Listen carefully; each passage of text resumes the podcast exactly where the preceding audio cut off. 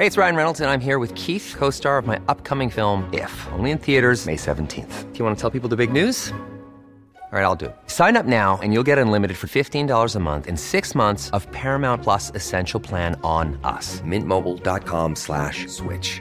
Upfront payment of $45 equivalent to $15 per month. Unlimited over 40 gigabytes per month. Face lower speeds. Videos at 480p. Active Mint customers by 531.24 get six months of Paramount Plus Essential Plan. Auto renews after six months. Offer ends May 31st, 2024. Separate Paramount Plus registration required. Terms and conditions apply if rated PG. Jewelry isn't a gift you give just once. It's a way to remind your loved one of a beautiful moment every time they see it. Blue Nile can help you find the gift that says how you feel and says it beautifully with expert guidance and a wide assortment of jewelry of the highest quality at the best price. Go to BlueNile.com and experience the convenience of shopping Blue Nile, the original online jeweler since 1999. That's BlueNile.com to find the perfect jewelry gift for any occasion. BlueNile.com. There's never been a faster or easier way to start your weight loss journey than with PlushCare. PlushCare accepts most insurance plans and gives you online access to board-certified physicians who can prescribe FDA-approved weight loss medications like Wigovi and Zepbound for those who qualify. Take charge of your health and speak with a board-certified physician about a weight loss plan that's right for you. Get started today at plushcare.com slash weight loss. That's plushcare.com slash weight loss. plushcare.com slash weight loss.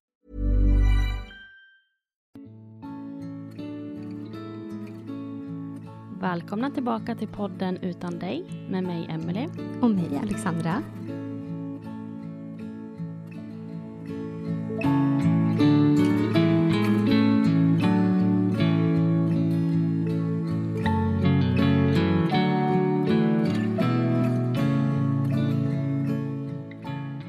Och så har vi med oss Jessica här idag som är mamma till Felix och tre tjejer. Ja, precis. Tack snälla för att jag fick komma hit. Det ska kännas jättefint att få berätta vår historia om Felix. Är ganska lång, men han vart inte så gammal. Det började väl redan, jag och Felix pappa Pontus hade bara varit tillsammans i sex månader när jag fick reda på att jag var gravid. Så det var ganska tidigt. Eh, men det var alltid jättesjälvklart för han, Pontus är väldigt barnkär. Och jag har alltid velat ha barn tidigt. Så det var så här, ja. Men det här kör vi på liksom. Det var meningen. Liksom. Det var någonstans liksom att, ja, vi hade inte känt varandra så jättelänge heller liksom och bara levt i en relation i sex månader. Så folk tyckte väl bara, oj, det var tidigt. Men är det rätt så är det lätt, som de brukar säga. Och, och det var det verkligen. Men i våran, vi bor ju i Tranås som ligger i Jönköpings län och där erbjuder man oss alltid ett kubbtest. Det är som ett första ultraljud liksom och det sker någonstans mellan veckan 12 och vecka 14.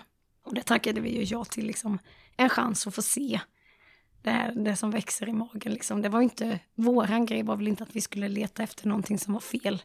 Utan vi ville ju vara nyfikna och ville se barnet första gången. Så vi åkte dit, var jättespända och förväntansfulla liksom att nu ska vi äntligen få se första gången. Och vi kom in och så var det en sköterska som började titta och hon tog ganska lång tid på sig. Vi har ju inte gjort det här innan någon av oss och tänkte det är väl så här det ska gå till. Och sen så säger hon ju då att jag ska bara gå och hämta en läkare. Och då inser vi väl att åh, hon måste nog hittat något kanske, men man bara nej, det är nog ingenting. Men så kommer det in en läkare som också då gör samma, samma undersökning. Och sen torkar han av magen och så säger han, ni kan komma och sätta er här. Och då se, hade han sett att eh, det var som en liten blomkålsbulkett utanför Felix mage. Och då sa han, antingen är det så att han har fått ett navelbråck eller så har han fått någonting som heter gastrochisis. Och vi bara, va? Vad är det här för någonting? Och den här läkaren var ganska stressad när han gav detta beskedet, så han skrev det på en lapp. Och sen sa han, ja, gastrochisis är det här, ni kan gå hem och googla. Sen har ni tio dagar på er, sen kommer ni tillbaka så får ni säga om ni vill fortsätta graviditeten eller om ni vill välja den lätta vägen och ta bort och börja om från början. Och det var bara, va? Ja, vi var ju ganska chockade men vi var ju ganska unga. Så vi bara, aha. Så vi åkte ju hem, började ju googla och det är ju det absolut sista man ska göra. För det är ju inga solskenshistorier som säljs på Google liksom. Men vi var ju väldigt inställda på att det fanns ju fortfarande en chans till att det bara var ett navelbrock. Och det är ju en ganska smidig justering. Så vi hade aldrig några funderingar på att vi skulle avsluta graviditeten utan nej, nu hade vi ju sett detta liksom och det var ju vårat barn. Direkt liksom att nej, vi ska fortsätta den här graviditeten, det är självklart. Så vi åkte tillbaka ner och han gjorde om undersökningen igen och såg ju fortfarande den här lilla buketten som låg på magen att det var någonting som buktade ut genom bukhinnan. Så han sa att eh, vi kommer få göra lite tät, tätare kontroller. Så kommer vi tillbaka till det här vanliga rutinultraljudet som man gör i vecka 18. Och då ska man väl se mer utav tarmarna eftersom barnet växer, det blir större. Så man ser, och då, men det gjorde man inte, utan man såg att det såg exakt likadant ut som det gjorde i vecka 12. Så då var man lite så här fundersam. Vad är det egentligen detta? Så då skickade de iväg oss ner till Göteborg på specialist, sån här ultraljud som man gör med en specialist, specialistläkare. Som också gjorde ett ultraljud och så också då att det är ju någonting som ligger utanför men det var inte det här klassiska gastrocisis så de ville inte fastställa diagnosen gastrocisis. Men då hade man också sett att tarma, tunntarmen framförallt hade börjat svälla i magen så man trodde mer att det var något stopp i tarmen. Att det var det då kanske som var huvudgrejen men man kunde inte fastställa det, det här. Så då gjorde man upp en plan att Felix då skulle komma tidigare. Han skulle få tas ut med ett kejsarsnitt. Göra planen precis som efter att det är en gastrocisis och då får du inte födas normalt för att man får inte födas med tarmarna på utsidan utan du måste kunna plocka ut dem och sen lägga in dem sterilt tillbaka i magen. Så vi fick ett, en plan med några kirurger. Att det kommer gå till så här när Felix kommer. Vi kommer boka ett kejsarsnitt i förväg. Men sen fick vi också boka in att vi gick var fjortonde dag och mätte tarmarna. Vad var det liksom? För de fick bara mätas upp till en viss centimeter. Så här mycket får de svälla i magen. Sen måste vi plocka ut honom. Så då åkte vi var fjortonde dag i Eksjö och då gjorde det här och mätte tarmarna på insidan. Sen kom ju den där dagen då, då vi nådde upp till den här siffran att här var det stopp här, nu skulle vi plocka ut honom. Men då började de bli lite osäkra. Så då skickades vi återigen tillbaka till Göteborg och då började de så diskutera. Ja, ska vi behålla honom eller ska vi inte behålla honom? Och då var vi ganska förberedda för det var ju det vi hade fokuserat på att när vi når den här siffran, då måste Felix plockas ut. Det får inte svälla mer. Och det var ju det de alltid hade sagt. Och nu helt plötsligt var de lite osäkra på det. Och det gjorde jag så här, vad, vad är vi nu någonstans i planen liksom? För när man, när man får något sånt besked så vill man ju ha en plan, man vill ha ett mål att jobba mot. Vad är det liksom nu? Och sen börjar de sudda ut det.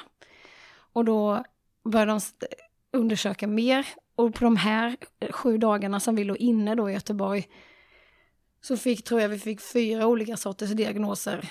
Det fick en med ett förslag, det är nog det här. Nej, det är det nog inte. Så togs det bort. Sen fick vi ny. Nej, men det är det nog heller inte. Så det var så här nya besked, man vändes upp och ner. Skulle han komma? Skulle han inte komma? Så det var jättejobbigt. Och vilken vecka var du i då? Då var jag i vecka 28. Så då hade vi ändå kommit en bit in i graviditeten. Alldeles för tidigt att plocka ut han. Man skulle ändå överleva om man hade kunnat plockas ut. Så det var så här, ja, var är vi någonstans i planen? Så då fick vi även göra en magnetröntgen på, på mig då för att kunna se. Men man var inte så jättemycket klokare på de där bilderna. Och så då skickade de hem oss igen. Eh, och då var, då var ju frågorna jättemycket liksom, vad, vad ska vi göra nu? Vad är planen? Ska han fortfarande få komma ut tidigt? Och då fick vi inte så mycket svar. Utan då var det ganska diffust där och den tiden var jättejobbig. För det var så mycket liksom, här går jag och ser magen växa. Jag vet att tarmarna är jättesvullna nu. Det har kommit upp till det måttet som vi fokuserade på innan. Och nu är vi inte där längre. Men mm. sen eh, var jag i vecka 33. Så skulle jag hänga med mamma och köpa en bokhylla på Ikea och känner att nej, nu börjar det rinna lite här. Nu tror jag det är någonting som inte ska vara så här. Så då börjar jag ju stippra fostervatten. Så då får vi åka, åker vi ju hem. Vi köper givetvis bokhyllan. Sen åker vi hem. För jag visste ju inte mer. Så, som förstföderska som man bara, hur ska det kännas? Hur ska det inte kännas? Vad är vad liksom? Det var jättesvårt. Det var ändå sex veckor tidigt.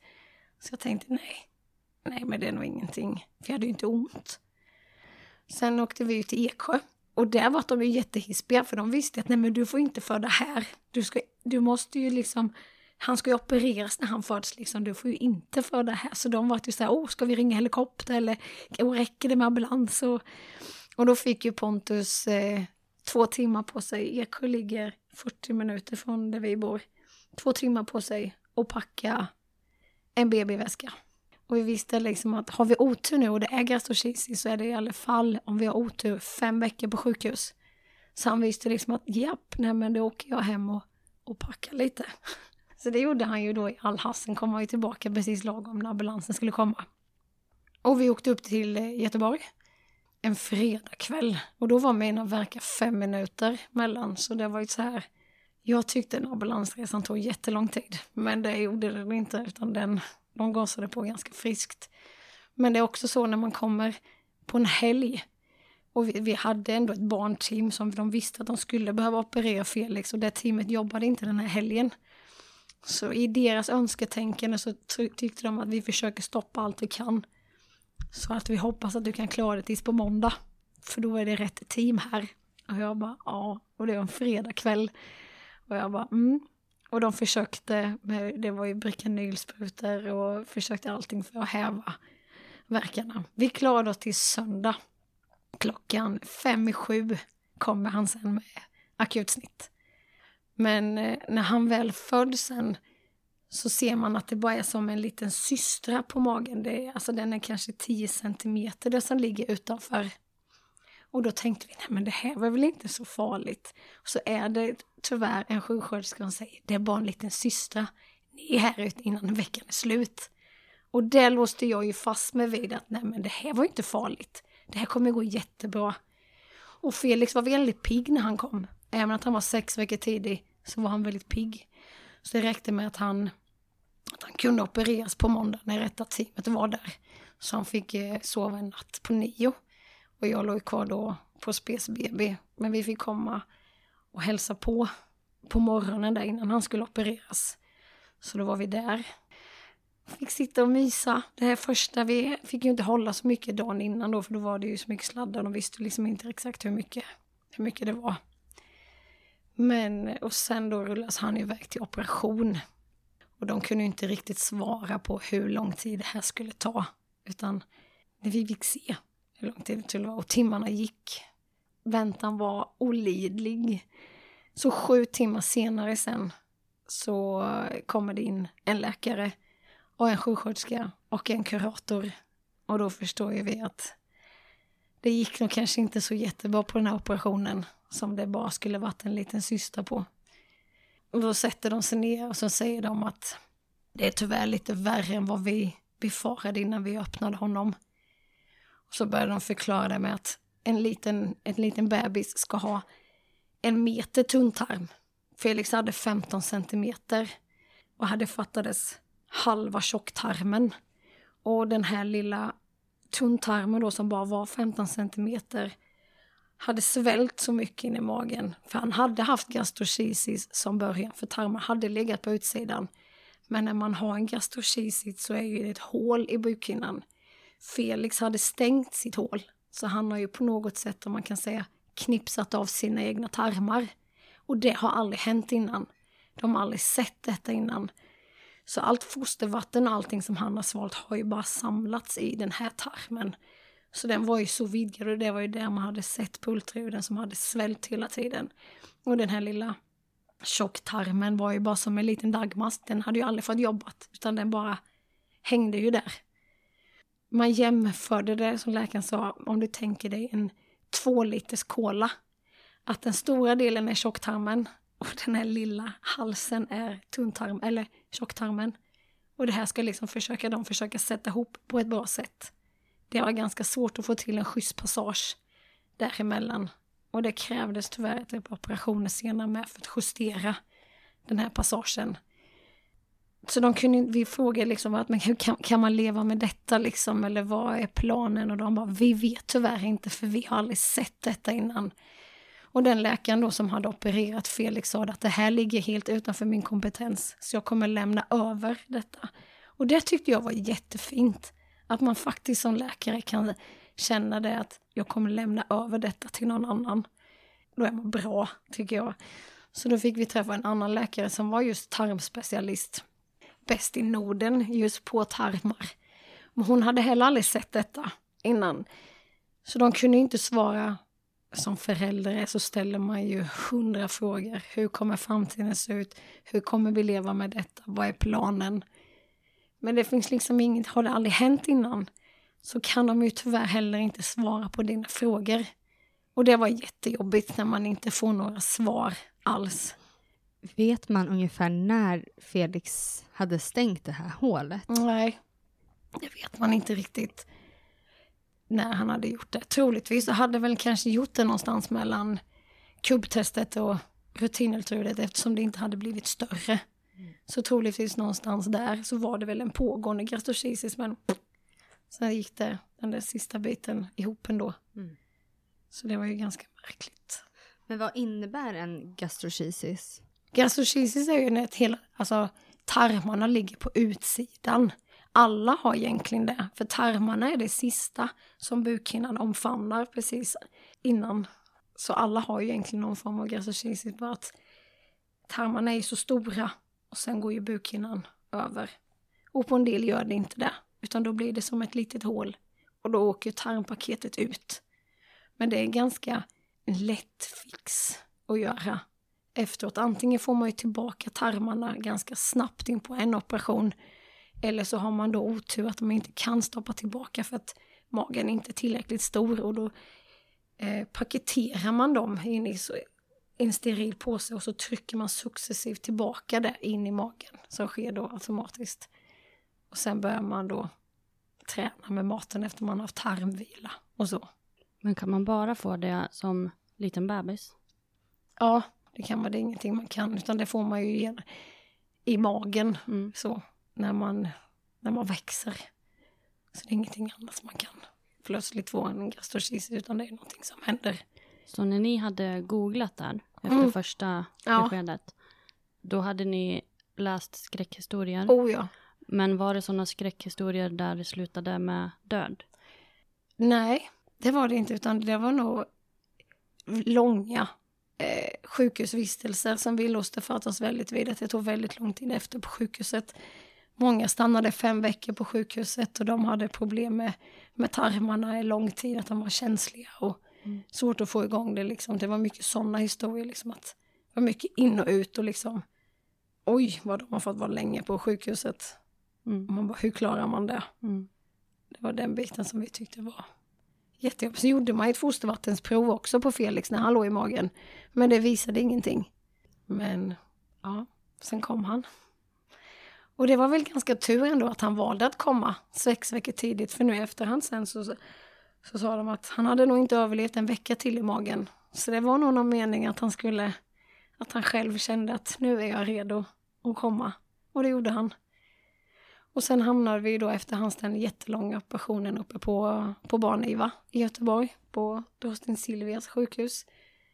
Och där låg vi ganska länge första gången för att han vaknade inte första veckan. De kunde inte riktigt förstå varför han inte vaknade. Och jag vet att jag hade låst mig fast jättemycket. Kommer han överleva liksom?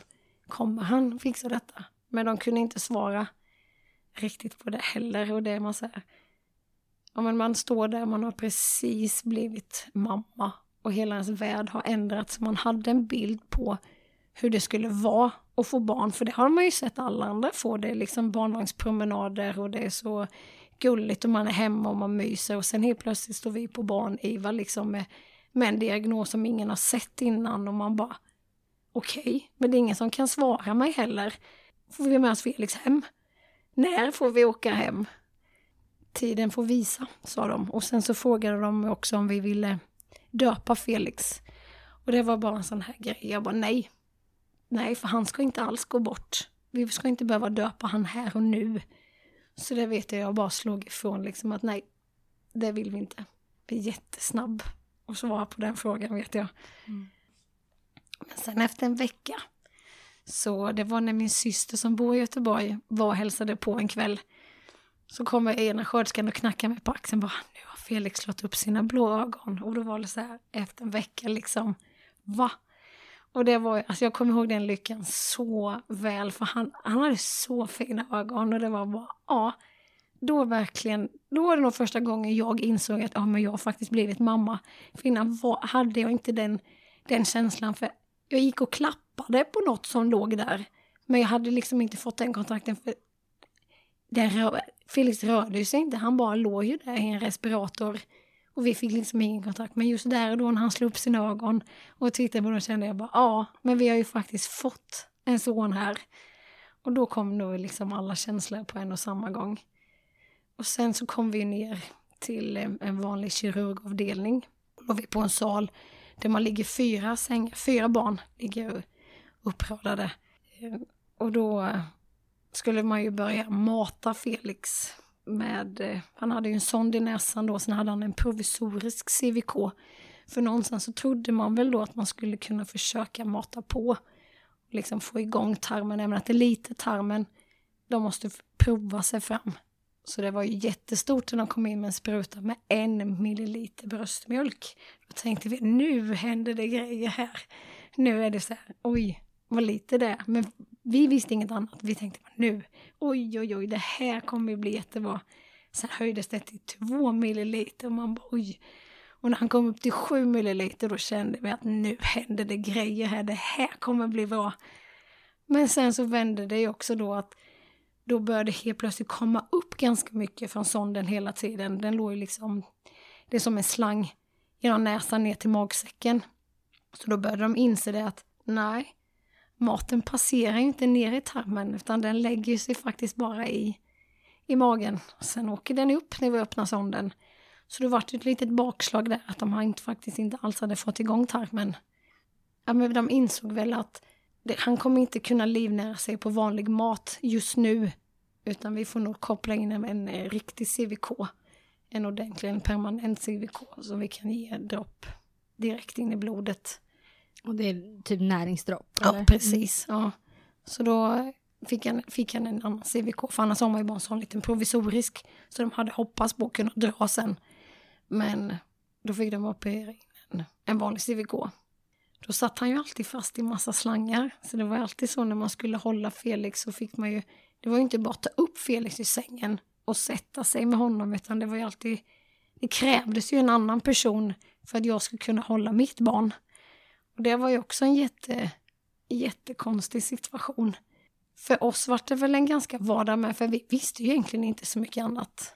Och det var väl ganska tur att vi kanske inte hade några andra barn just där och då. För för oss var det ju normalt att det skulle vara så. Så till slut var det de här slangarna ganska normalt för oss. Så till slut så kunde vi ju, utan att någon annan stod där, kunna plocka upp Felix. För vi hade ganska bra koll på var han, alla hans slangar satt någonstans. Och vi då fortsatte ju ändå liksom att försöka ge Felix mat genom, genom den här sonden i näsan.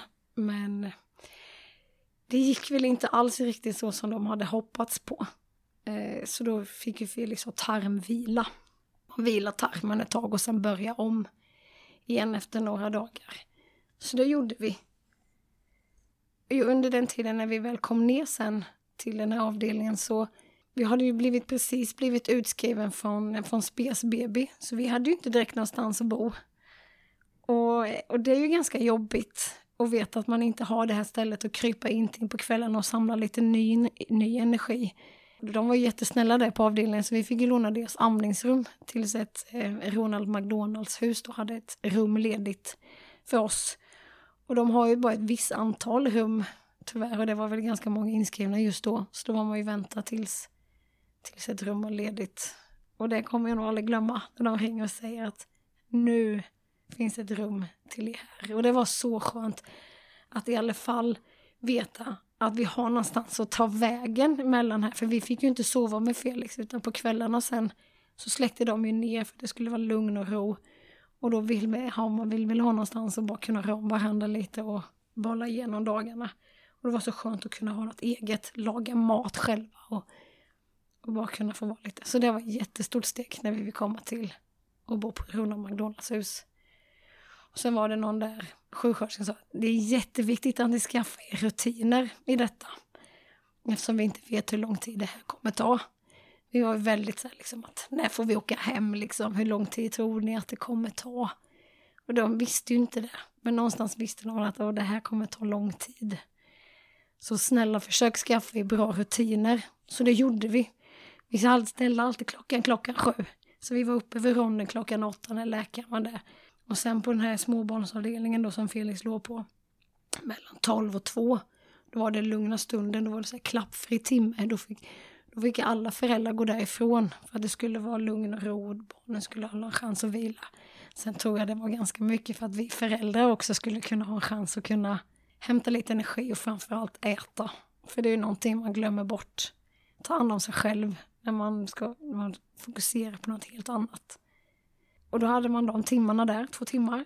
Och sen tillbaka upp igen till klockan fem. Då var det gå till Rånad, laga middag, äta, tillbaka upp, säga godnatt vid tio och så så var dag ut. Alltid likadant. Och då gick dagarna konstigt nog vecka efter vecka. Och mina föräldrar bor ju också i Tranås. Och de åkte upp varje helg till Göteborg och hälsade på hela det första året, Vill och där. Det var någon helg som de missade. För då kanske Felix hade någon bakterie så vi varit isolerade. Då kunde de inte komma, men antingen annan var de uppe varje helg och hjälpte oss att handla, kom med våran post. Vi saknade det här hemifrån, kan ni ta med det? Eller ibland bara, du kanske bara behöver gå ut och en promenad, kom vi går ut och gör någonting. Och det var ett jättestöd att de kom. Så att man visste liksom att någonting, vi får se några andra ansikten på helgen och sen avdelning 327 som vi bodde på, alltså de som jobbade, de är ju, det var ju våra familjer. Vi träffade ju dem mer än vad vi träffade våra egna familjer. Och de tog ju så väl hand om oss och de är vi, kommer vi ju alltid vara evigt tacksamma för. För all tid de har ju lagt på oss. Att mitt i allt vårat kaos så tog de ju inte bara hand om Felix utan de var ju så otroligt måna om att vi skulle ha det bra. Och att vi skulle orka hela vägen. Och sen fick ju då Felix sin första blodförgiftning när han var några månader gammal. Och den klarade han ganska bra när han fick den blodförgiftningen. Antingen kan man ju bli jättedålig när man får en blodförgiftning. Det är ju, det är ju en orsak. liksom. Det, man kan bli jättedålig och döds, man är dödssjuk när man får en blodförgiftning. Men han klarade den första med bravur. Så vi märkte inte av den så där jättemycket mer än att ja, han får lite extra antibiotika här.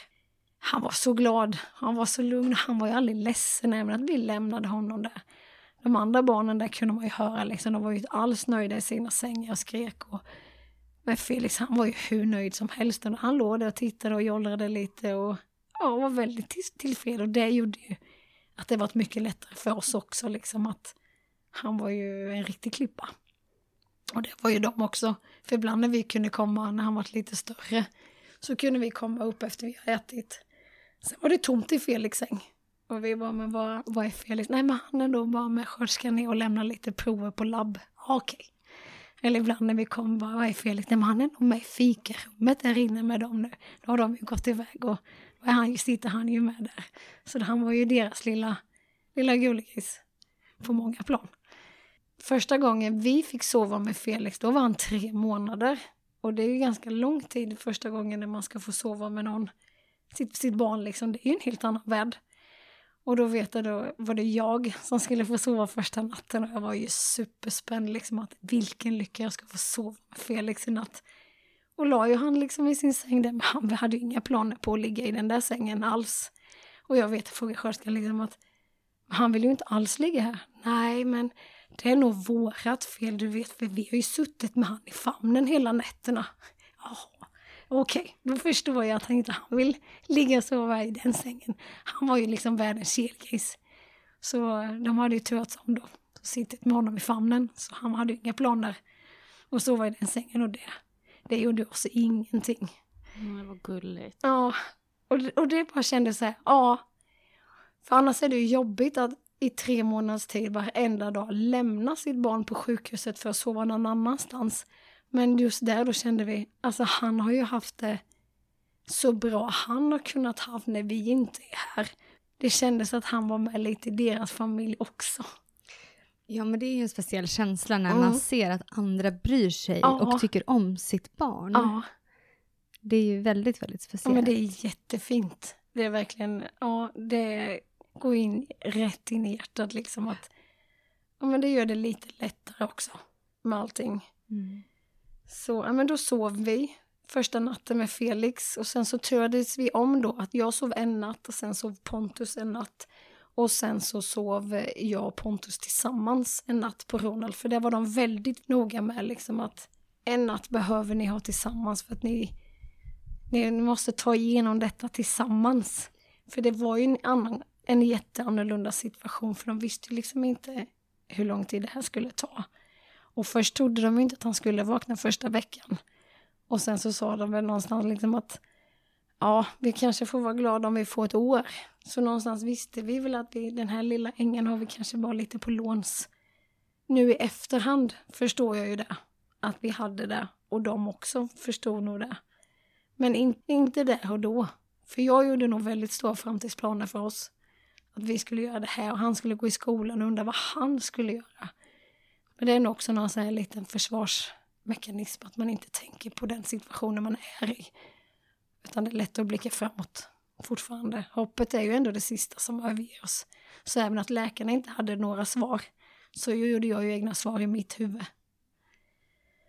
Men sen då så skulle man ju försöka göra en ny tarmoperation på Felix som skulle bli hans just då längsta operation. Det är att man gör som en zigzag-operation, att man klipper i tarmen, i tunntarmen där den är som tjockast. Så att man på så sätt kan vinna, att man förleder maten runt att man vinner 25 procent på tarmen. Eh, så det hade man ju hoppats på. Så då gick man ju in igen och gjorde en operation. Men det dummaste var ju bara att de här 15 centimeterna Felix hade var i väldigt dåligt skick. Så man kunde inte göra så mycket sådana här zigzag och vinna så mycket tarm som man hade hoppats på. Så den operationen var väl inte så där jättelyckad. Utan man ändrade väl om lite mer i passagen igen liksom och försöka göra det bästa situationen. Som våra tarmar arbetar hela tiden med maten och suger upp näringen. Men det gjorde inte Felix.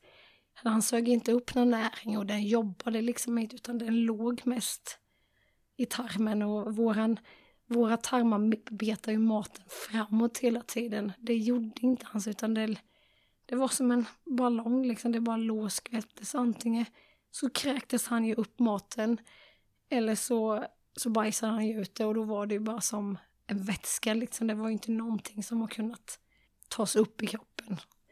Så till slut så slutade man ju faktiskt att mata Felix med vanlig mat utan han fick äta det han ville för nöjets skull för att stimulera mat, alltså munnen och han älskade salta chips och de bara, men ge han salta chips då. Och sen gillar han att doppa dem i crème fraîche. Ja, men gör det då. Efter fem, sex stycken så kaskadspydde han, men sen ville han ju ha igen. Och det var ju hans livskvalitet på någonting sätt. Ja, men då får du väl göra det då. Men det är ju ändå inget, din kropp kan ju inte ta ut det. Men för han var det ju en livsglädje att få äta salta chips. Ja, men gör det då. Så är vi beredda här när det kommer upp. Och sen insåg man väl också att den här sonden i näsan kommer ju inte kunna tas bort. Utan vi måste ju kunna hjälpa Felix att tömma magen. För den blev ju jättehård. Eftersom maten inte pressades vid så samlas ju mycket magsyror och grejer. Utan, så den vart ju stenhård. Så då opererade man in en liten pegg i magen. Egentligen var Felix för liten för att få den här peggen. Men eh, de gjorde en liten speciallösning på honom. Eh, så han kunde få en PEG Trots att han var så liten. Så då fick ju vi gå en liten PEG-skola, Hur man lärde sig att sköta om en PEG i magen. Och eh, sen fick vi gå även på en CVK-skola då för att kunna sköta om CVK för det. Någonstans så skulle vi väl ändå ha någon blick att få åka hem. Och då måste vi ju lära oss alla de här grejerna för vi måste ju kunna sköta om Felix i hemmet. Och sen var det ju en del blodförgiftningar däremellan.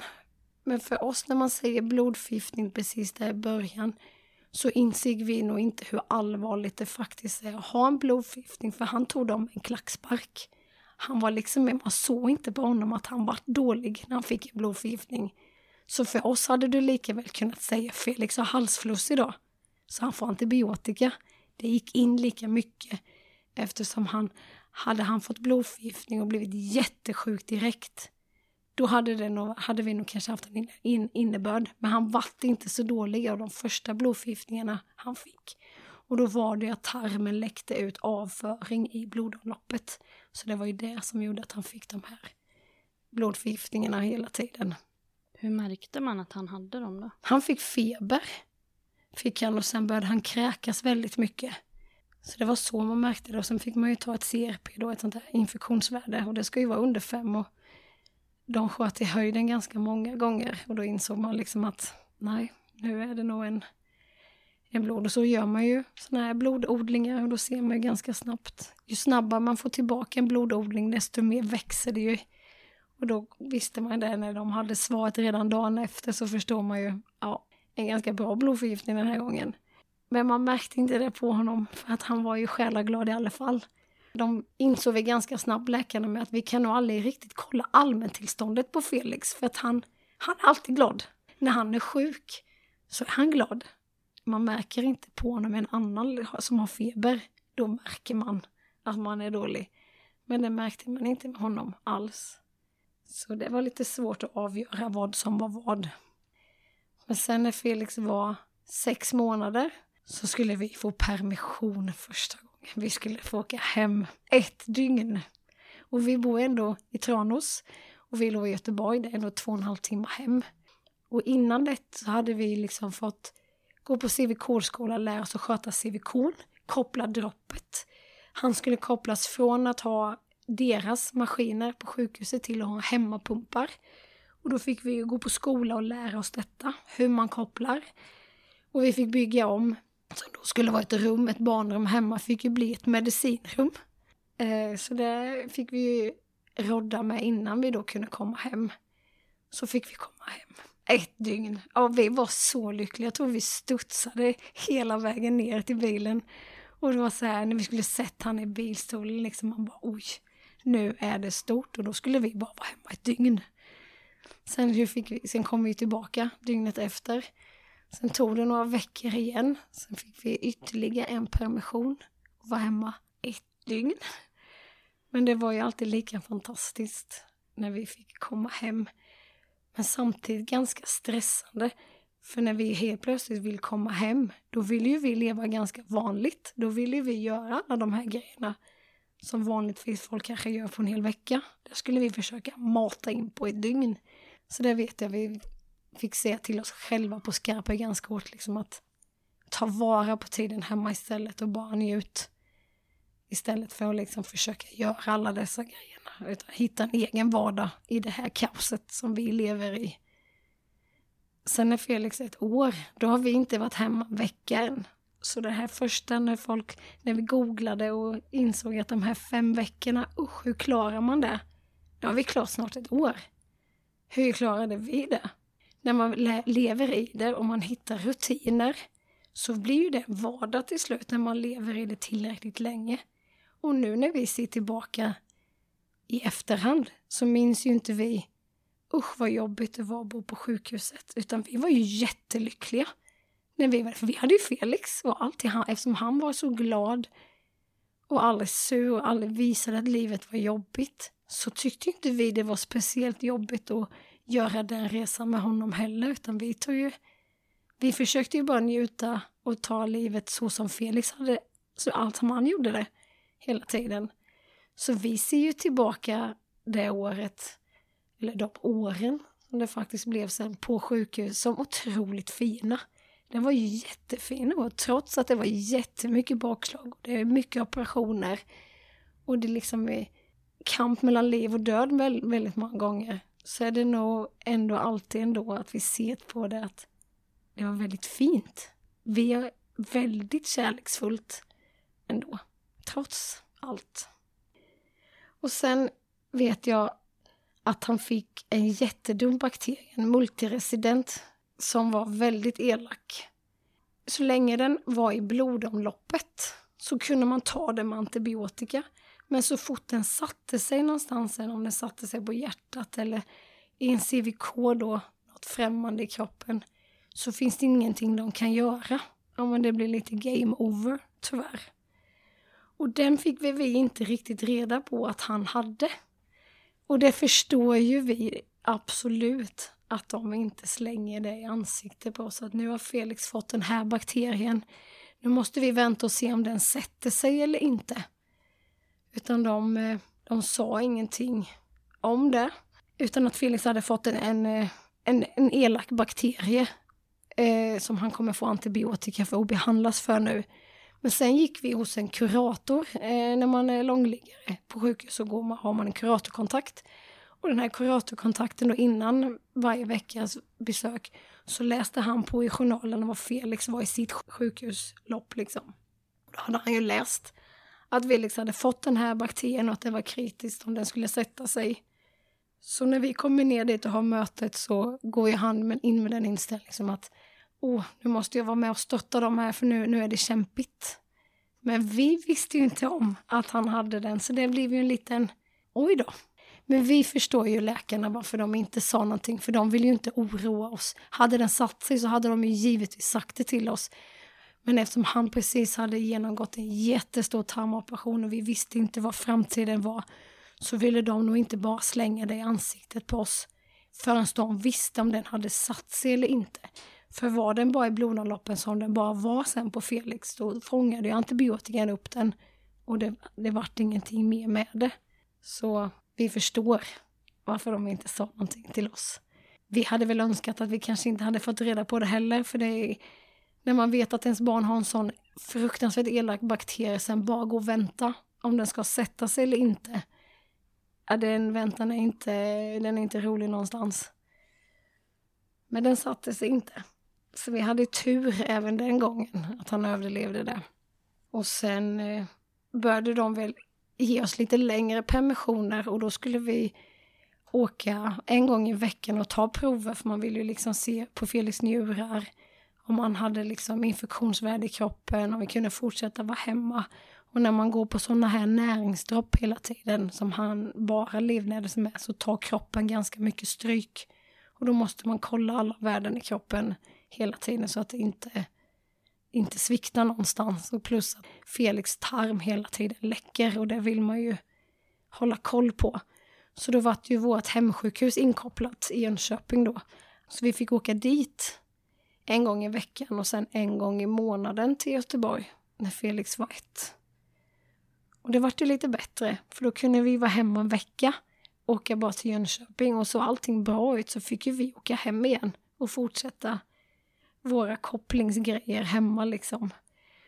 Och som längst var han väl utan dropp åtta timmar, men då var han två år. Och innan dess så kanske han var utan dropp en timma, två timmar varje dag. Så han hade ju konstant det här näringsdroppet kopplat till sig hela tiden.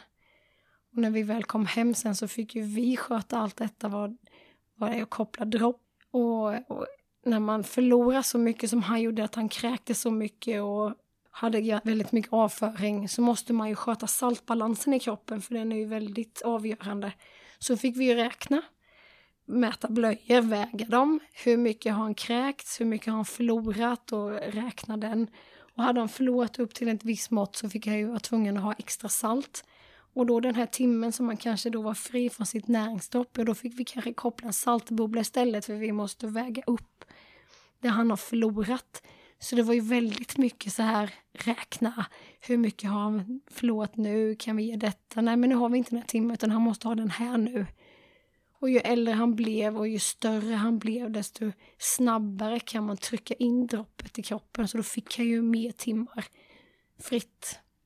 Och det var ju jätteskönt. Men som längst så hade han åtta timmar droppfritt. Men oftast hade han ju alltid då förlorat för mycket salt. Så vi var tvungna att ha en saltbubbla. Men när han var lite större så kunde han bära på den här själv i en egen liten ryggsäck. Alltså de blir ganska tåliga de här barnen som är allvarligt sjuka. De får, man brukar ofta säga att de har en annan livsglädje än vad, vad andra barn har. För de har, inte, de har inte varit med om någonting annat överhuvudtaget.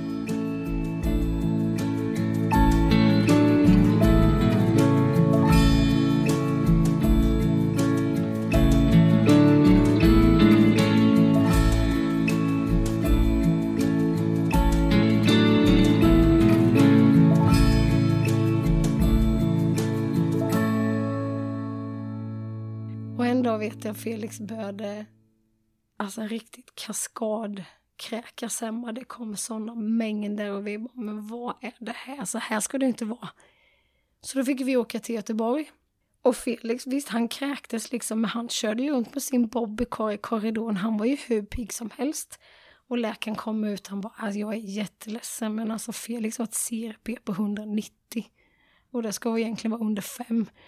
Och vi misstänker att han någonstans, att hans tarm har knickat sig och det ska ju, det gör ju hysteriskt ont. Och vi bara, okej, okay, han sitter ju där ute och kör runt på en bobbycar liksom. Och de bara, ja, det, för oss är det ju en gåta. Så eh, han opererades lite senare den eftermiddagen och de såg ju det att tarmen var knickad på två ställen. Och det ska ju göra fruktansvärt ont. Men han hade ju inte gett några signaler till att han hade ont, ändå att han kräktes lite. Inte mer än så. Och det var ju lite så det var med hans blodförgiftningar med. Han fick feber och då förstod ju vi, nu är det dags att åka till Göteborg, för nu har han fått en ny blodförgiftning. Men inte att han var dålig på det sättet. Och det höll ju väl oss uppe i jättegott mod hela tiden för att han var, ja, han tog livet lite med en klackspark. Han var jättenöjd med det han var det är fint att se. Men varje gång han fick en blodförgiftning, då mm. vart ni alltså inte så, alltså ni vart inte så rädda att ni trodde att det var på liv och död? Nej, för han hade ju inte visat att han vart så dödssjuk när han fick sina blodförgiftningar. Så vi tog nog dem för lätt. Vi förstod nog inte riktigt allvaret i det. För läkarna förklarade att när man har en blodförgiftning då är man verkligen kritiskt sjuk. Men eftersom Felix inte vart det så förstod nog vi, hade vi nog svårt att ta in att man verkligen vart så sjuk. Så nej, och det var väl ganska tur ändå. Mm. För annars hade vi väl varit, hade han visat att han var jättesjuk, vi hade hamnat på intensiven varje blodförgiftning, då hade vi nog kanske inte fått lika fina år ändå han drog sönder sina CVK-slangar hela tiden. Han var ju ganska... Han, han var liten och busig som de flesta barnen är. Och har man en slang som är gjord av gummi och ganska kul att dra i, så drar man i den. Även att man visste att man inte får. Så han drog ju sönder sina CVK-slangar ganska flitigt ett, ett tag. Och då var det som att han drog och sen så sprack ytterlaget på CVK och då fick ju vi sätta en piang ringa till Göteborg att japp, nu är CVK-slangen slut här så fick de istället sitt operationsteam liksom, ja men vi är redo, ni kan komma ner, för då var ju den tvungen att ta ut. Och sen sätta dit en ny, fast på andra sidan. Och nu hade det blivit ganska många sådana, då att Anna hade dragit sönder dem. Varje blodförgiftning man får så plockar man ju bort CVK och är utan i tre dagar. Och sen sätter dit en ny för oftast är det att bakterierna sätter sig där och då går det inte att få bort bakterien utan den måste bytas ut. Så då gjorde man beslutet att man skulle sätta dit en venport istället. Och då var det ytterligare en ny skola. Då var vi tvungna att lära oss att sköta om en venport och lära oss att sticka Felix varje vecka för att byta ut själva nålen. Men det var ju en jättebefrielse för helt plötsligt kunde ju Felix bada. Då kunde vi ju sitta på en strand och ta bort den här nålen från venporten och så var han ju slangfri. Då hade han ju bara sin lilla knapp för magen. Och helt plötsligt så tyckte vi bara, nej men shit, nu är han ju nästan som, som vem som helst. Alltså, som ett vanligt barn. Man såg inte på honom att han var sjuk längre. Och det hjälpte oss jättemycket, det vet jag. Jag tyckte det var en jättebefrielse. När vi väl fick den här venporten. liksom att, att man kan ta bort den och man ser inte så sjuk ut längre. För man ser automatiskt väldigt sjuk ut när man alltid går med slangar. Och jag vet att när vi kopplade bort honom så var det så skönt för då passade jag på att åka iväg och göra saker, alltså ta med Felix. För då behövde jag aldrig förklara farfar vad har han i ryggsäcken där och utan han satt i vagnen, jag hade inga slangar, då var han liksom som vem som helst. Vi var en vanlig familj helt plötsligt tyckte jag, alltså det kändes lite mer, lite mer vanligt och det var ganska skönt mitt i allt att få någonting som så. Mm. För annars är ju folk frågevisa. Och ibland så kanske man inte vill ha de frågorna varje dag om man går ut med sitt barn. Varför hade den en slang? Ja, eller bara blicka liksom. Ja. Folk stirrar. Ja, och- men det blir ju så, oj Mm. vad synd. Mm. Man bara, nej, det är väl inte så synd om oss egentligen. För Mm. vi har det ganska bra där vi är just nu. Sen blir han ju två år. Och det är väl lite där startskottet var. Det var väl julen där. Innan han skulle fylla två.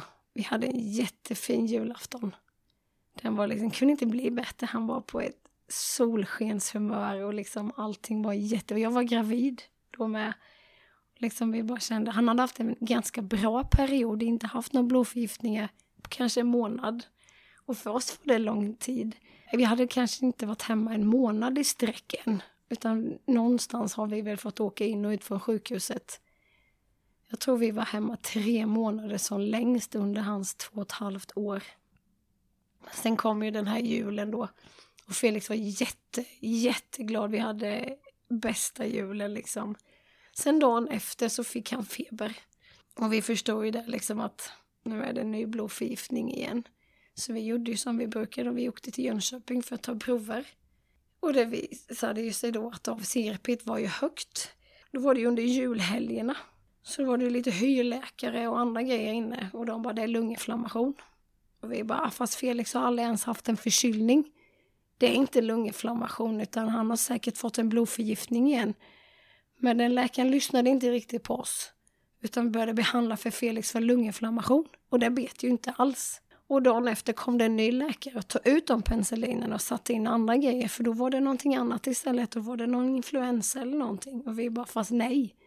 Det är det inte, utan det är garanterat en blodförgiftning. Och då funkar bara ett visst eh, antibiotika som han svarar bra på. Vi har liksom varit med detta i två år nu, vi känner honom ganska väl. Annars får ni jättegärna ringa till Göteborg för de känner honom innan och utan. Men eh, de lyssnade inte riktigt på oss där och eh, magkänslan man bara nej usch, det är inte bra. Och sen var han väldigt dålig så vi hamnade på IVA i Jönköping. Och helt plötsligt så var han ju alldeles för dålig för att åka med ambulans till eh, Göteborg. För han var alldeles för dåligt skick. Och då fick nog vi den här första insikten om att oj, är man så här sjuk när man får en blodförgiftning? Vilken tur han har haft som har klarat, då hade han klarat tio stycken innan med bravur. Och vi bara oj. Och då fick, det var ju som en riktig käftsmäll liksom att, och då var han ju jättedålig. Eh, så vi hamnade nere på IVA och de, eh, nej, vi kan inte skicka iväg honom, för han är inte tillräckligt för stabil för att klara en ambulansfärd. Och så ska de ju försöka sätta en artärnål, men det går inte riktigt. Och vi får stå och hålla fast Felix medan han sätter den här tärnålen och jag bara snälla kan ni bara bedöva? Och då kläcker den här läkaren och bara fast barn känner inte känslor på det här sättet. Och vi bara mm, jo det tror jag nog. Men sen till slut efter mycket om och men så kommer den här ambulansen och Felix åker iväg och han är ju i alldeles för dålig skick så vi får ju inte följa med ambulansen utan han måste ju åka själv upp. Så de åker upp och ambulansen säger till mig och Pontus innan vi åker liksom att nu kommer vi trycka på ordentligt. Och så vi vill att ni stannar kvar här i tio minuter för vi kan inte ha oroliga föräldrar bakom oss. Vi kan inte garantera den säkerheten också utan vi kommer behöva trycka på nu. Så vi fick ju sitta där och vänta. Och jag vet att jag hade sån fruktansvärd ångest. Varför går han bort i ambulansen nu? Och det sista han kommer komma ihåg det är att jag står och håller fast honom medan han är så fruktansvärt dålig. Ja, ja, alltså jag hade sån panik i kroppen liksom.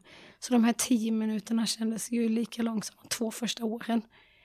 Men vi hoppar in i bilen och vi åker upp till Göteborg och när vi väl kommer på plats då ligger Felix redan på IVA och han är uppkopplad och den här tjärnålen är ju borttagen för den sitter i ljumsken och det hade vi också påpekat, ni kan inte sätta den i ljumsken för hans avföring är så mycket bakterier i.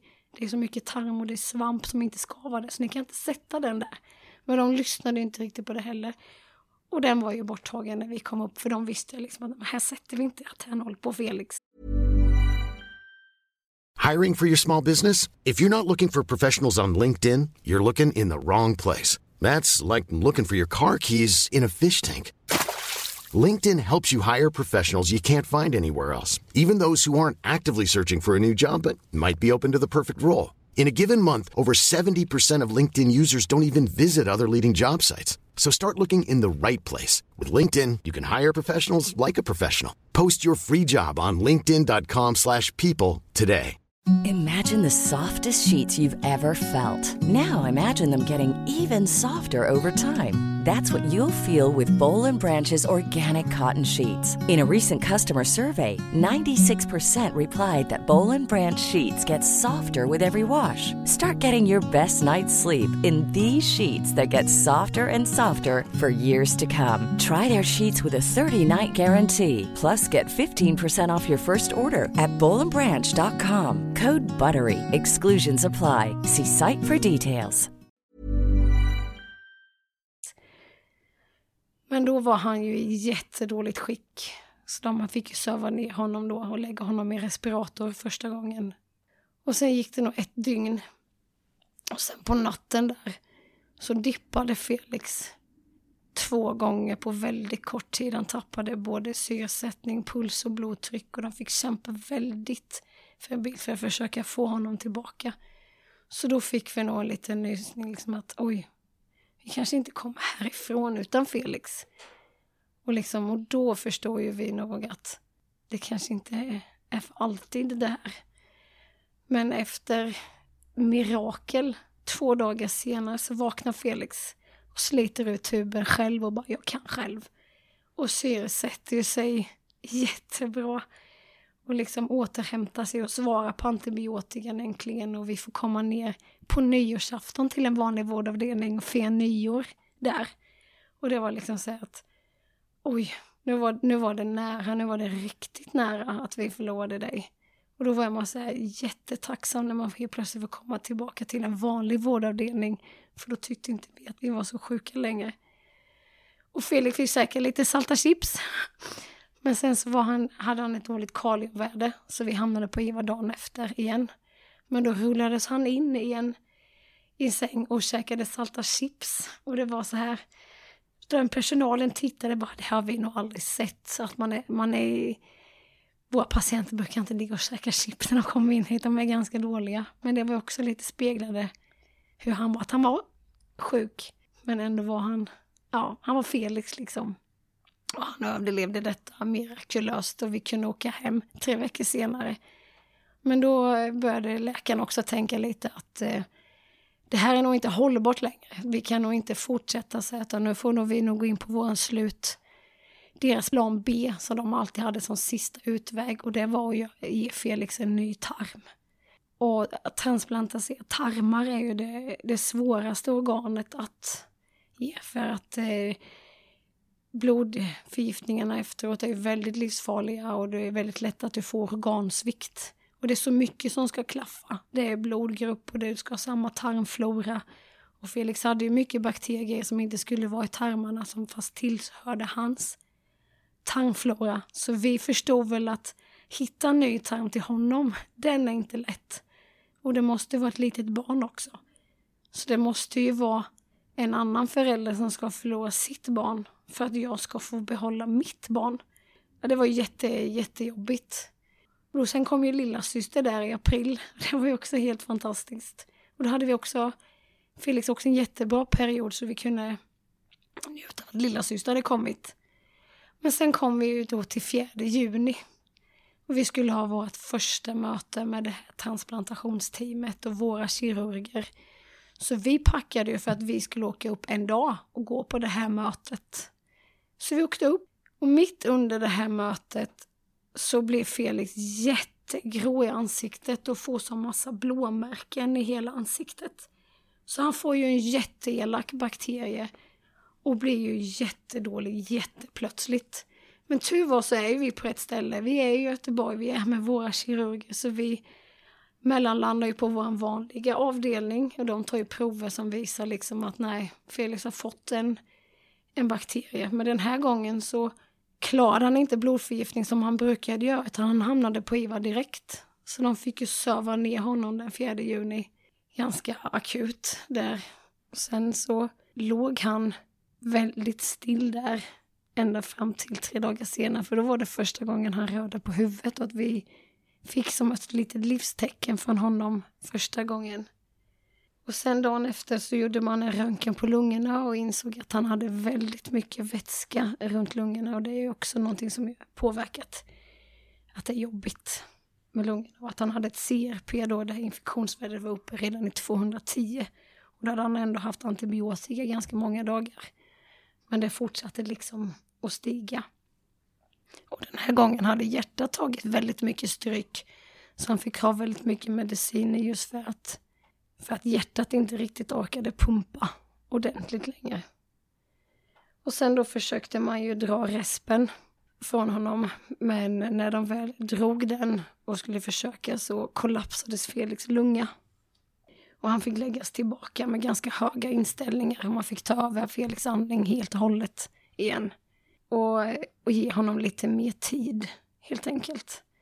Dagen efter det så hade, såg man i alla fall att CRP hade, hade börjat vända lite. Njurarna såg lite bättre ut.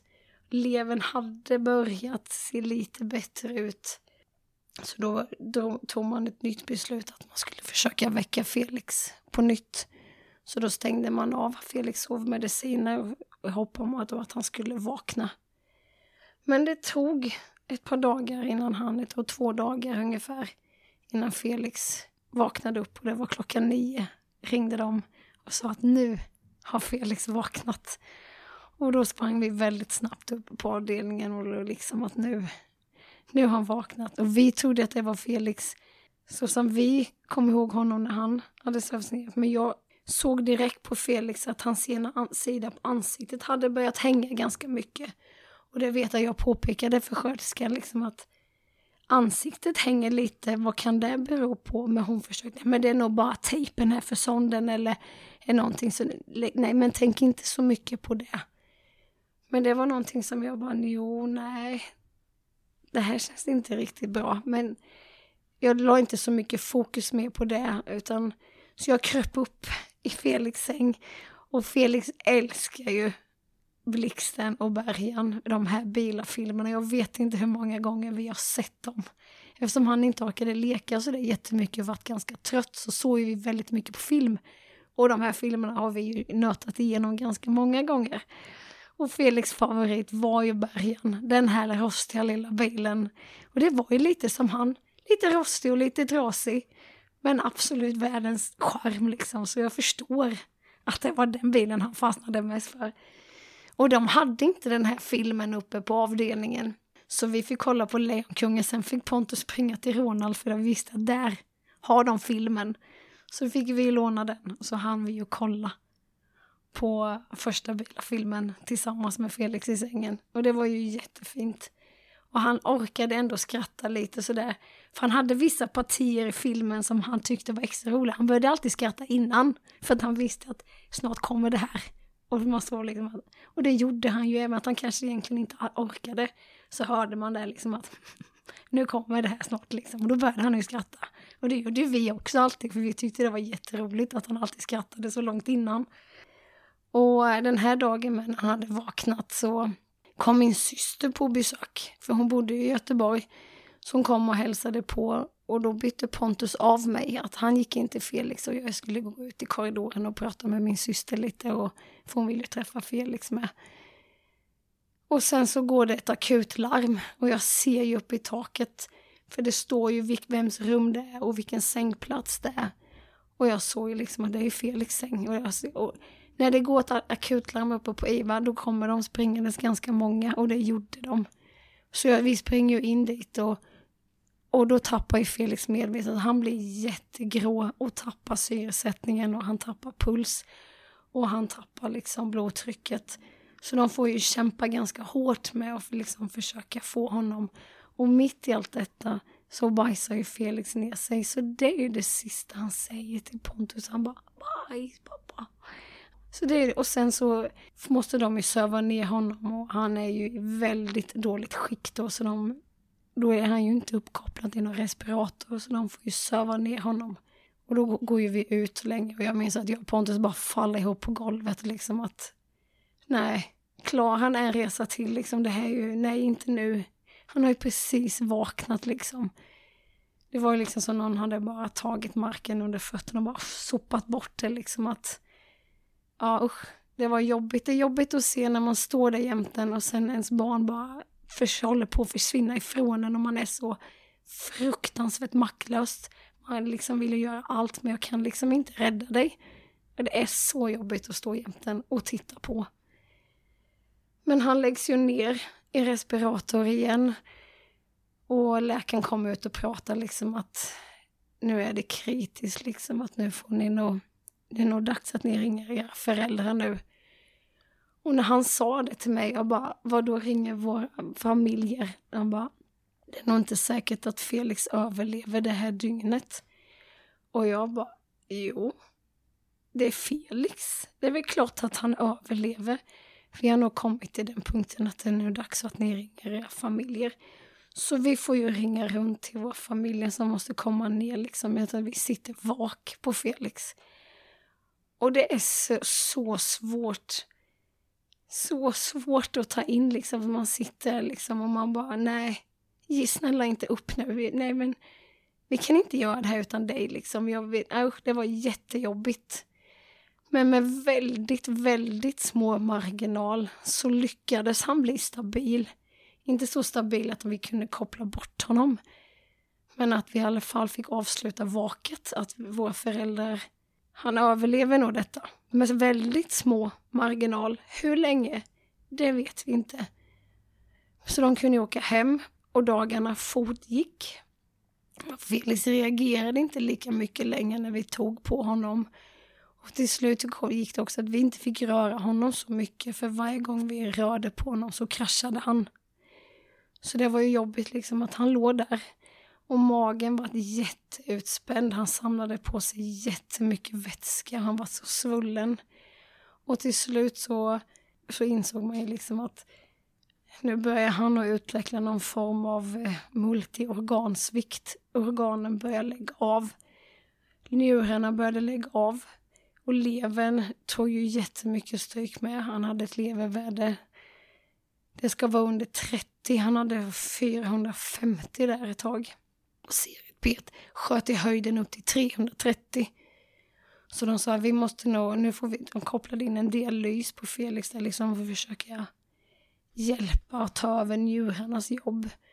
Och man sa liksom att nu ser vi att Felix har samlat på sig jättemycket vätska i buken så vi måste sätta ett drän. Men han är alldeles för dålig för att vi ska kunna göra det inne på operation, som ändå låg på samma våning. Men de fick lägga det inne på sal. Så det gjorde de redan när de stack in den där. Så kom det en halv liter direkt ut. Så han hade så mycket vätska som han hade samlat på sig. Så han hade liksom ödem i hela kroppen. Och den här sista veckan där sen så bodde min mamma uppe i Göteborg, för min syster bor ju där. Så hon åkte ju och hälsade på och bodde hos dem. För vi hade ju lilla Tia också då som inte var många veckor. Så hon eh, tog ju hjälpte oss att ta hand om Tia på sjukhuset där ute på IVA. Så vi kunde lägga vårt fokus på Felix. Och det var ju jättefint. Och sen kom vi ju när, nära midsommarhelgen. Och Felix hade varit inte stabil, men det hade inte gått åt det ena eller det andra hållet utan det höll sig stabilt dåligt. Om man kan säga det, det gick liksom inte varken bu eller bä. Så vi sa ju det till dagen innan på midsommar, dagen innan midsommar liksom att ni kan åka hem nu och packa om liksom, hem och lite ny energi och jag vet att mamma och pappa, nej men vi stannar kvar. Jag bara, nej men åk hem och samla lite ny energi nu och sen kommer ni tillbaka imorgon liksom och packar om och så efter mycket om och men och Felix var ju ändå, ändå stabil i, i det skedet just då. Han låg ju där han låg med alla mediciner. Så åkte de hem. Eh, sjuksköterskan och läkaren hade sagt liksom att ta kvällen nu och, och tänk på någonting annat. Så vi hade ju träffat en annan familj som vi låg inne med som också hade sitt barn uppe på IVA. Så vi bestämde oss för att vi skulle träffas på kvällen och ja, men bara kanske äta kvällsmat tillsammans och bara sitta och prata lite. Så vi gick upp och sa godnatt till våra barn uppe på, på IVA. Och sen gick vi ner till Ronald McDonalds då och eh, ja, men bara satt och pratade. Man har ju så mycket gemensamt. Även att man inte har barn med samma diagnos så bär man ändå på samma, samma sorg. Samma, liksom, samma oro och frustration över situationen man sitter i. Så det var ju jätteskönt att sitta där med dem liksom. Och, och sen skulle vi gå och lägga oss och sova. Och vi var väl nere på vårt rum klockan ett och skulle gå och lägga oss och sova. Sen klockan två ringer min telefon och då är det e- Erik uppe på IVA. Och vi har ju väntat på den här telefonen ganska många nätter. Jag hoppas den inte ringer i natt. Den får inte ringa. Och sen kommer man till den natten då telefonen faktiskt ringer mitt i natten så man man är ju väldigt lättväckt. Jag vaknade ju innan eh, första signalen hade ringt färdigt i telefonen. Och så är det då Erik och han säger liksom att nu befarar vi nog att Felix hjärna har börjat svullna så vi tror att han håller på att bli hjärndöd. Jag kunde inte ta in det han sa. Och Felix hade blivit jättedålig i syresättningen och tappat blodtryck och puls igen. Och de tyckte inte heller att han reagerade lika mycket längre och pupillerna var väldigt stela. Så de sa att det är nog dags att ni kommer hit nu. Så jag vet att jag slängde ner Tia i vagnen och, och Pontus, och vi, alltså vi sprang så snabbt uppe på Iva liksom. Och bara, vad är det som händer? Och så satte de sig ner. Och jag kommer ihåg det så väl när jag klev in i Felix rum. Innan har jag alltid känt Felix. Just fort jag klivit in i rummet så har jag känt hans närvaro. Att han är här fortfarande. Men när jag klev in där den natten så kände jag, nej, Felix är inte kvar här längre alls. Det, var, det är så svårt att beskriva den känslan, men jag bara kände, det var nog första gången jag insåg att nu kommer vi inte komma härifrån utan Felix. Och han satte, ner, liksom, satte sig ner jämte oss och sa liksom att nu har vi kollat ganska många grejer. Vi kan inte säga till 100 procent att det är så, men vi befarar att det är åt det här hållet det går åt. Så vi fick ytterligare igen ringa våra föräldrar och familjer och säga liksom att nu är det nog dags att komma och säga hej då. Så de åker ju ner mitt i natten till Göteborg och är med oss på morgonen. Sen vet jag när sköterskan säger, och då har vi inte fått röra Felix på ganska många dagar för att han är så dålig. Och så frågar sköterskan, är det någonting som ni vill som vi kan hjälpa er med? Och jag vet att alltid när Felix, när vi var hemma så låg han alltid på mig och sov på mitt bröst. Alltid. Så vilade vi. Och jag vet jag, jag sa det bara, jag vill ha honom på mig. Jag vill bara få känna honom. Och då sa de absolut. Så då kallade de in mer personal. Det krävdes ganska mycket för att få honom. Men jag vet att jag fick lägga mig i sängen och de lyfte upp honom. Och, och där låg vi, säkert i tio timmar, bara han och jag. Och Pontus då givetvis. Och så fick de ju bytas av och komma in successivt. Men jag, jag låg där jag låg med honom på. Och det var, ja usch. Jag vet att jag, när jag varit själv med Felix ett en liten kort sekund innan de bytte så vet jag att jag sa det liksom att nu är det okej okay, Felix. Det är liksom, det är okej okay att ge upp nu. Nu har du kämpat färdigt. Du är så jättestolt över dig. Men det, det är helt okej okay om du släpper taget nu. Och sen vet jag att min pappa kommer in. Och sen strax efter det så kommer ju läkaren in och säger att det är tyvärr så som vi har befarat att Felix har blivit hjärndöd. Och då har man väl lite val man måste göra som förälder. Antingen då är det att man väntar ute. Då kan det gå ett par dygn innan, innan allt stängs av. Men jag vet att jag sa nej men då vill jag att vi stänger av. Jag vill inte att vi ska ligga så här. Det är inte humant för, för Felix, för han finns inte kvar. Och det är inte okej för oss att dra ut på detta när det ändå inte kommer göra att vi får ha med honom härifrån oss. Så då vill jag att vi stänger av. Och Pontus var väl också helt med på de banorna, men han rasade ganska, ganska snabbt. Men då sa också läkaren om vi ska stänga av så måste vi ha en CT bakom oss. Vi måste gärna göra en hjärnröntgen som bekräftar detta. Både för er skull och för vår skull. Att ni inte tänker sen ett halvår senare, stängde vi av för tidigt? Så då sa han då, men jag bara, ja men då gör vi CTn, för vi vill, vi vill stänga av. Så då sa han, då får ni också vara beredda på att det kanske blir så att ni får säga hej då i hissen ner. Och det var vi ju införstådda med. Men han klarade hissen ner och in på CTn. Och även resan upp tillbaka uppe på IVA. Och sen så då så fick vi vänta en stund tills röntgenbilderna var färdiga.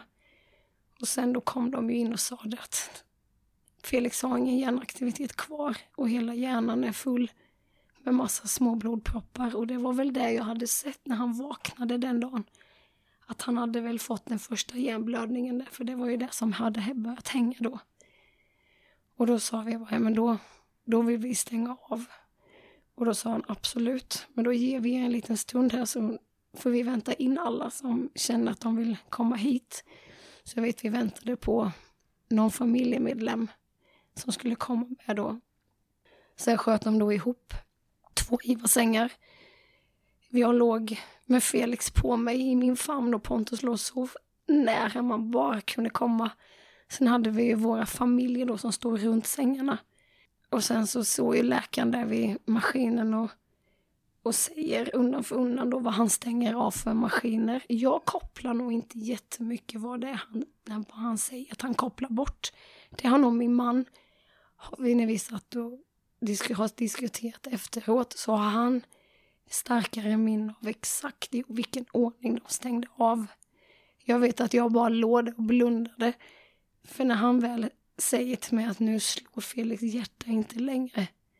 Så reser sig bröstkorgen en gång till. Och sen sjunker den ihop.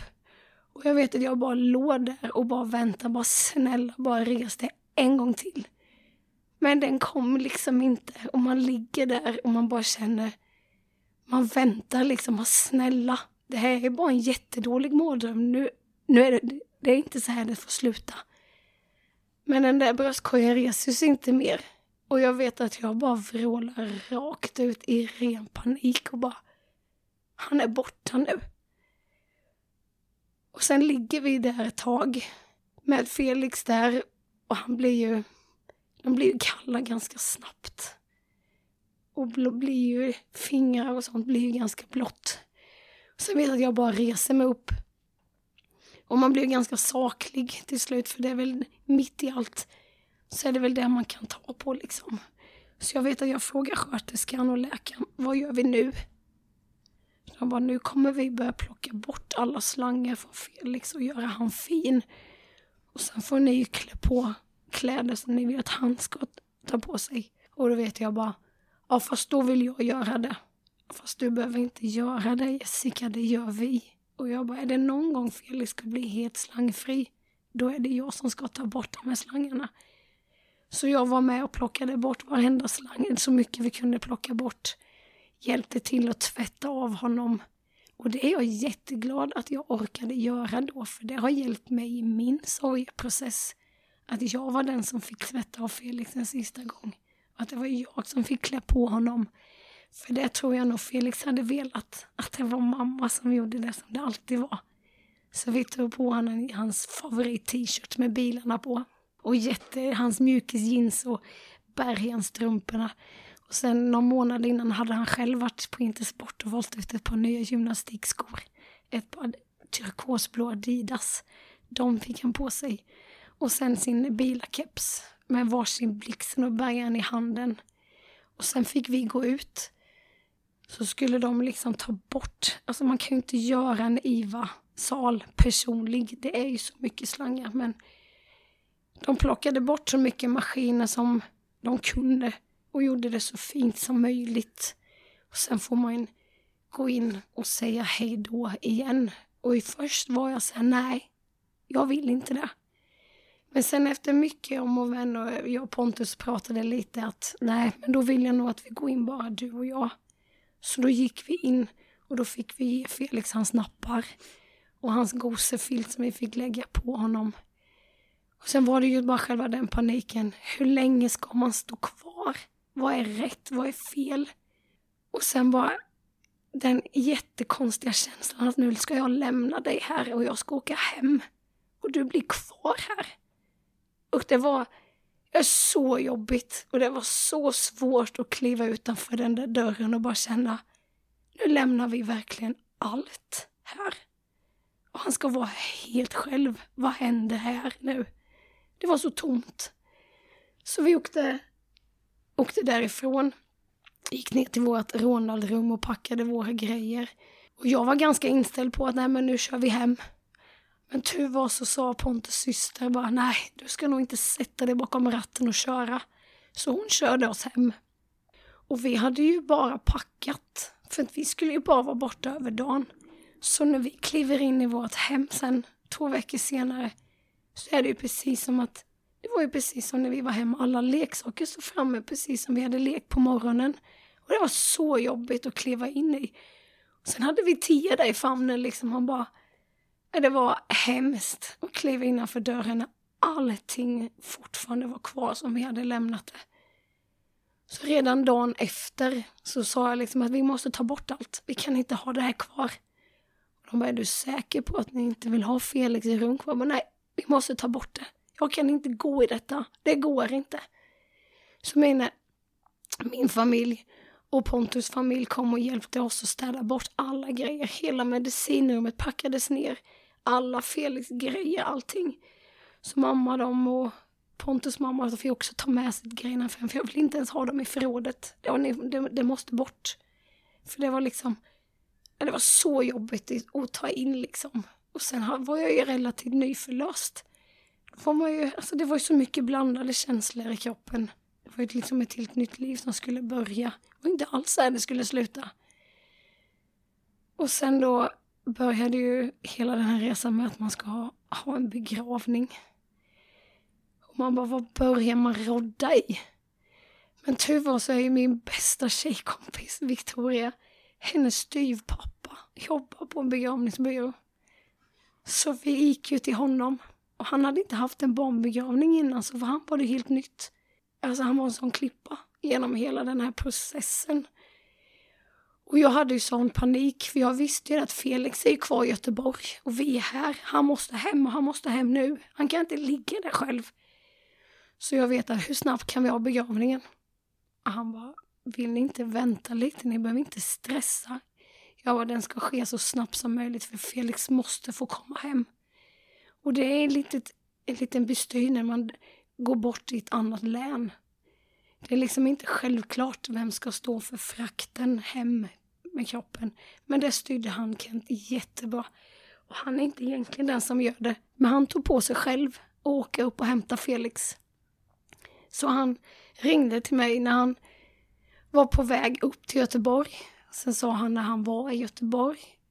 Felix har på sig det här och det var ju precis så som vi hade lämnat honom och det bekräftade ändå liksom att han har ändå det kvar. Och när, och när han åkte från Göteborg och sen så ringde han igen och sa att nu har Felix kommit hem. Nu är han hemma i Tranås. Så det var så här, okej, okay, nu är vi ett steg närmare i alla fall. Att nu är vi, nu är han här i alla fall.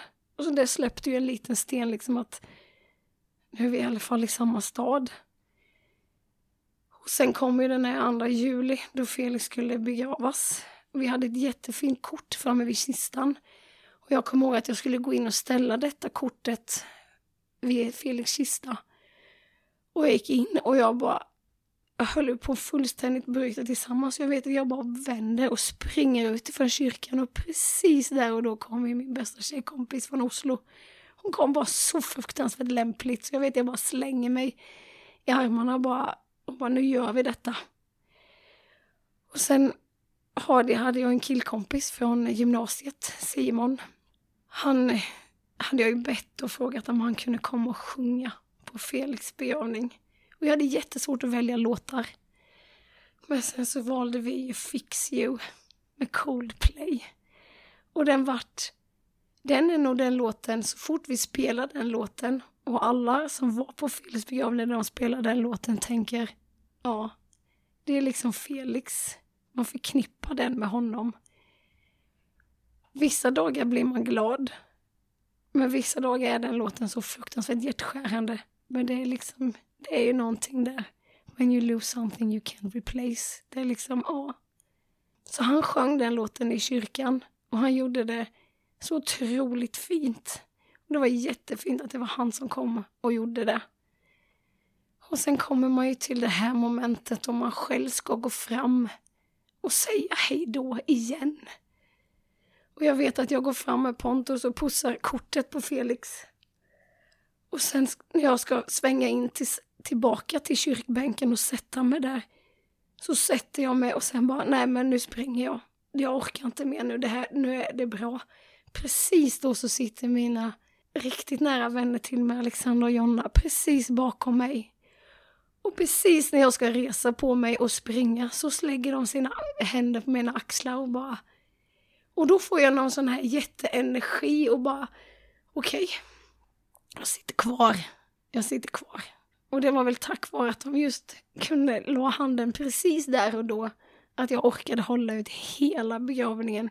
För det är inte lätt att sitta där och när det ligger, det är en sån liten kista. Och så ska man liksom, när man går ut där, så ska man ytterligare än en gång lämna kvar. Det var en jätteresa med Felix. Han vart två år fyra månader och 17 dagar. Men samtidigt som det är den tuffaste perioden i livet så har jag nog aldrig varit så lycklig som jag var under dem. Jag är jättelycklig nu och jättetacksam för de barnen jag har. Men han lärde oss så fruktansvärt mycket under den här korta tiden han var i livet. Så det, det var så kärleksfullt och så fruktansvärt lärorikt och det har fått oss att se livet på ett helt annat än vad vi gjorde innan. Det är liksom, det är mer mening med vissa saker. Vi är tacksamma på ett helt annat sätt. Så ändå att det var vi som var hans föräldrar så lärde han då oss mer än vad vi lärde honom. Så nu är det ju bara självklart, vi måste ju leva vidare för Felix skull i den andan som han gjorde. Och ta livet med en klack med ett leende. Felix låter ju helt fantastisk. Det var han verkligen otroligt fin på alla plan. Ja, det har varit jättefint att få höra om Felix. Ja, tack så mycket för att du fick berätta.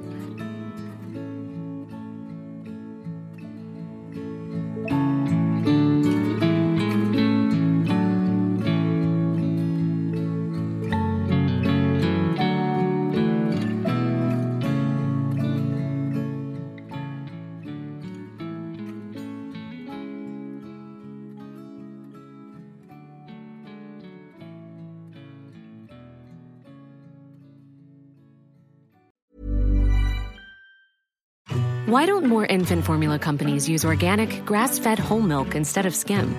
Why don't more infant formula companies use the latest breast milk science? Why don't more infant formula companies run their own clinical trials? Why don't more infant formula companies use more of the proteins found in breast milk? Why don't more infant formula companies have their own factories instead of outsourcing their manufacturing? We wondered the same thing. So we made ByHeart, a better formula for formula. Learn more at byheart.com. Hey, it's Danny Pellegrino from Everything Iconic. Ready to upgrade your style game without blowing your budget? Check out Quince. They've got all the good stuff shirts and polos, activewear, and fine leather goods, all at 50 to 80% less than other high end brands. And the best part? They're all about safe, ethical, and responsible manufacturing.